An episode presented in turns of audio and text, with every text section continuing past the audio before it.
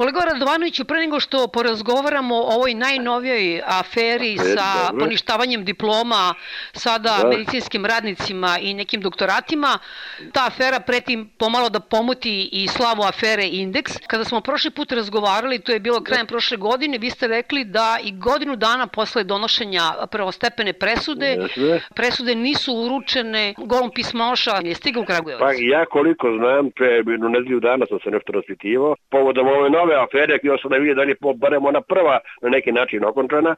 Prema informacijama koje sam ja dobio, te presude još uvek nisu stigle, to je sada već nekih 15 meseci od kako su izrečene te prve nepravoslavne presude koje mi je 16 ključnih aktera afere Indeks osuđeno na ukupno oko 60 godina zatvora. Te presude još nisu stigle, ja sam u dva tri navrata kontaktirao sa predsjednicom Višeg suda u Smederevu, Slađanom Bojković, i onda se ona meni pravdala da je predmet toliko kompleksan, da za samo obrazloženje ima nekih 600 stranica, onda mi je objašnjavala da je ona, pored toga što je sudeći sudija u tom postupku i predsjednica suda, pa da ima i druge nekakve obaveze, pa da je onda doekla omela korona.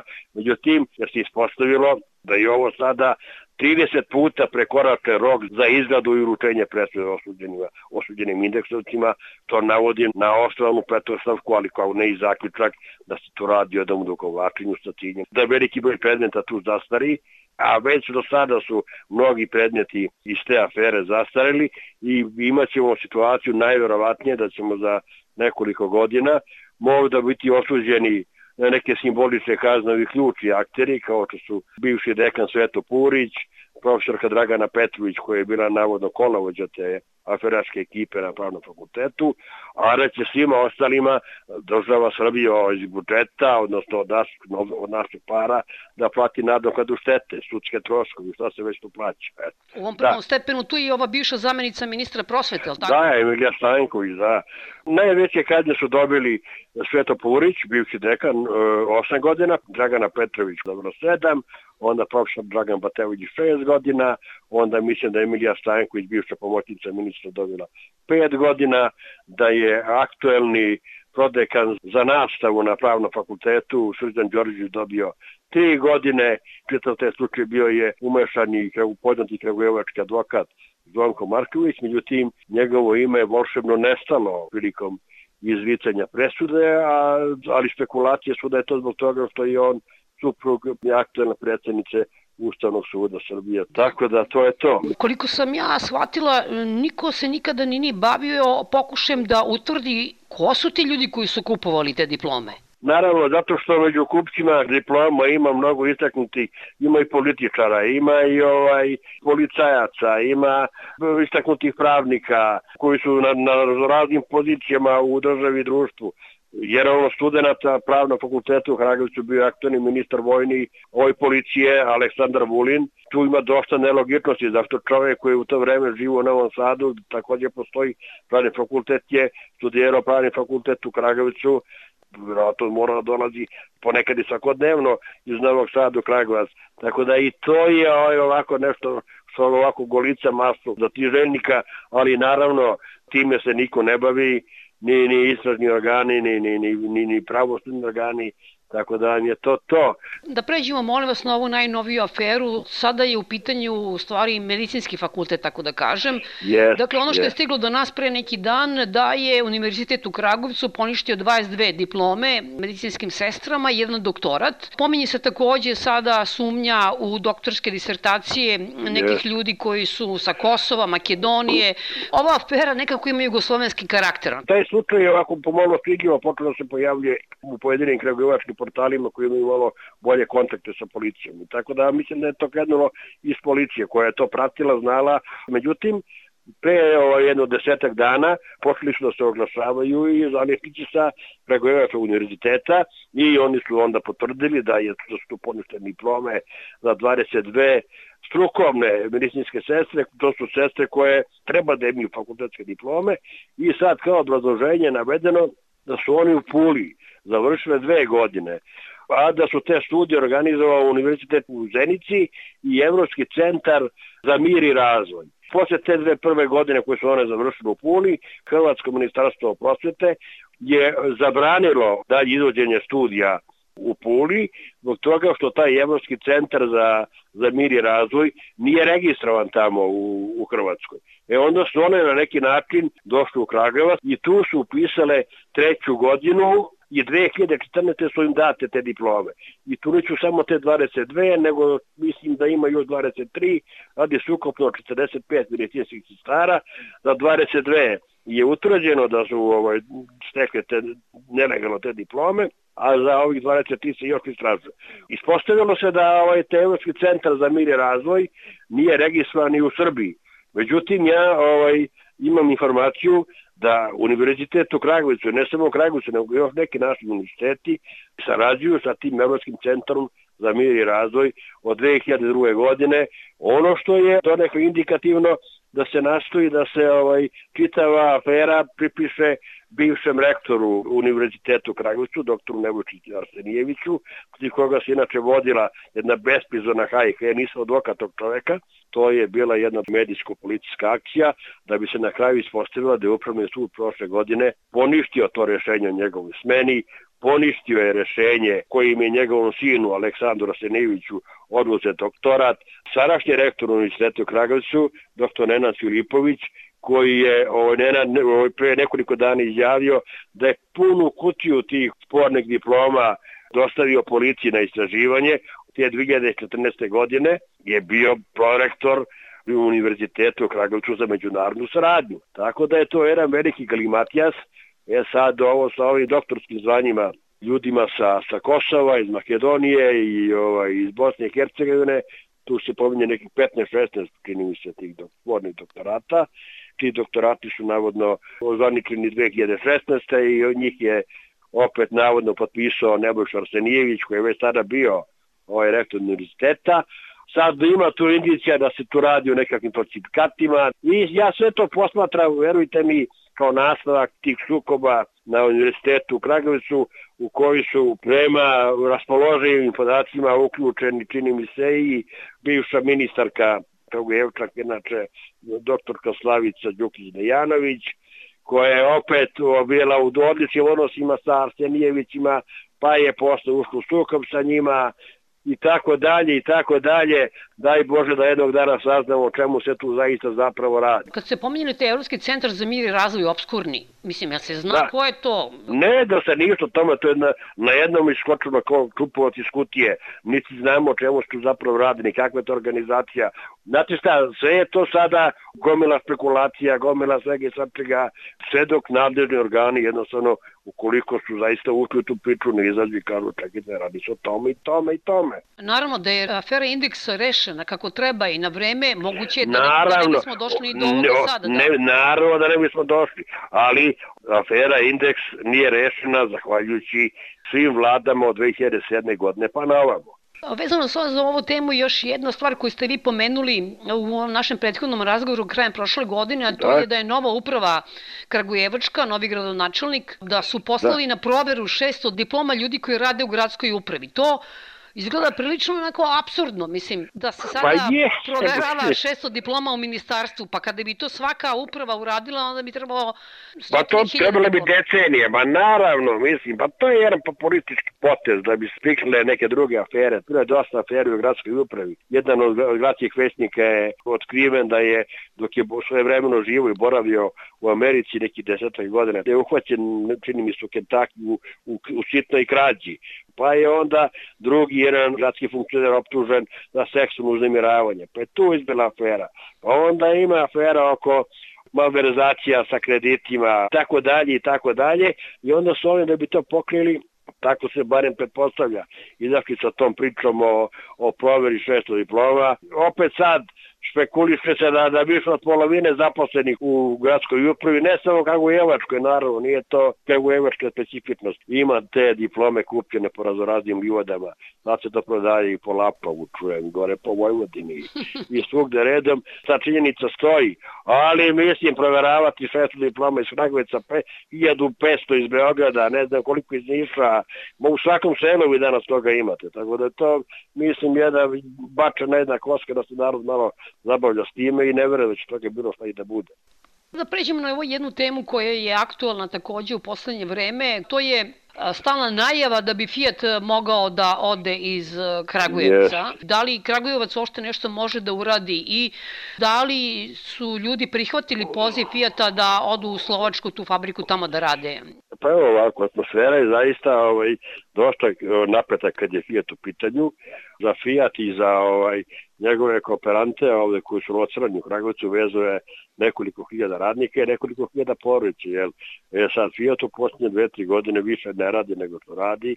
Model koji se ovde pravi model Fiat 500L je ovaj, dostigao svoj tržišni maksimum i ovaj u Americi nikad nije ni uspio da, da se probije, ozbiljnije probije na to tržište, ali u Evropi se prodavao jedno vreme dosta dobro. Međutim, tržište se zasjetilo, drugo došla i ova korona koja je ovaj, ugrozila plasman svih automobilskih kompanija, a Fiat, kao i svi veliki svetski proizvođači, za razliku od nekarakti zastave, ne proizvodi automobile za zalihe, proizvodi za tržište. Čim siđe sa trake, on ide na tržište. Proizvodnje ima sve manje, neradnih dana ima sve više, tako da su prošle godine Fiatovi radnici radili 80, od 220 radnih dana, ove godine će to da bude još manje. Uđu vremenu se Fiat Chrysler spojio sa Peugeot Citroen Opel grupacijom, napravljena velika grupacija Stellantis, koja je četvrta po obimu proizvodnje na svetu, jer zaista automobilski gigant. I sad, pošto ovde u Kragovicu nema posla za fabrika nije upoštena, onda su oni odlučili da deo radnika iz Kragovica, ne zna se tačan broj, pominje se između 200 i 300, da im ponudi da odu na rad u Slovačku, Peugeot Citroenovu fabriku. I sad se ispostavilo da je to fabrika u kojoj su uslovi rada dosta teški, da sa trake silazi 470 automobila u smeni, u Kragovicu to 200, znači dva i puta brže traka tamo ide, da su plate za tamošnje uslove dosta male, od 150 evra, da oni tamo teško mogu da nađu radnike u Slovačkoj, zato što u okruženju ima još nekoliko fabrika automobila, gde su bolji uslovi, ali im je blizu Nemačka, gde ovi Slovaci odlaze rade za po 2.500-3000 evra mesečno, jel?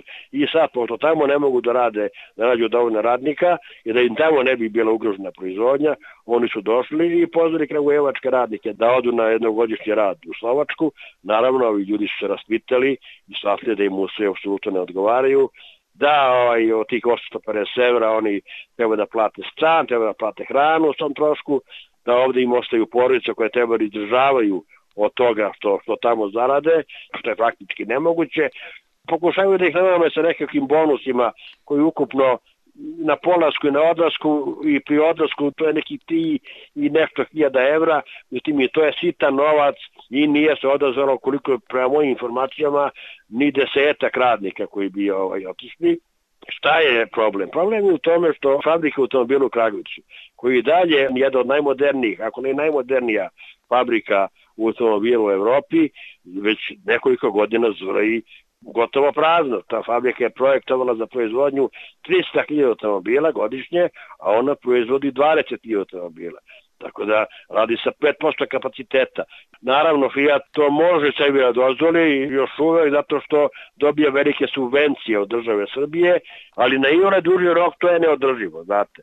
Ne sad, šta ja mislim bitno svemu tome? Mislim da fabriku automobila u Kragovicu niko ne može da odnese iz Kragovica, fabrika je faktički nepreseljiva, da sad ne objašnjavam te detalje, da je i uzidan u fabriku, da je karoserija uzidana u fabriku, da izmeštanje mi faktičko znači da je razaranje te fabrike u kojoj je uloženo milijardu je po evra, ni ludi ne bi nešto tako uništili, upropastili, drugo Fiat i ova stas grupa Stellantis, možda može da je proda Volkswagenu ili ne znam Mercedesu ili ne znam kome, ali ne može da je proda Kinezima, zbog toga što to Europska unija ne bi dozvolila. Druga fabrika je ovaj modularna, može da proizvodi sve od kombija pa do luksuznih automobila, ima Mislim, to, kad se kaže stručna radna snaga u automobilskoj industriji, danas više ne znači ništa. Sa ovom opremom koja je danas prisutna u autoindustriji, a ovo u Kragovicu je najmodernija, proseraju, karoseri i lakinici faktički nemate ljude, imate samo kontrolore, sve rade roboti.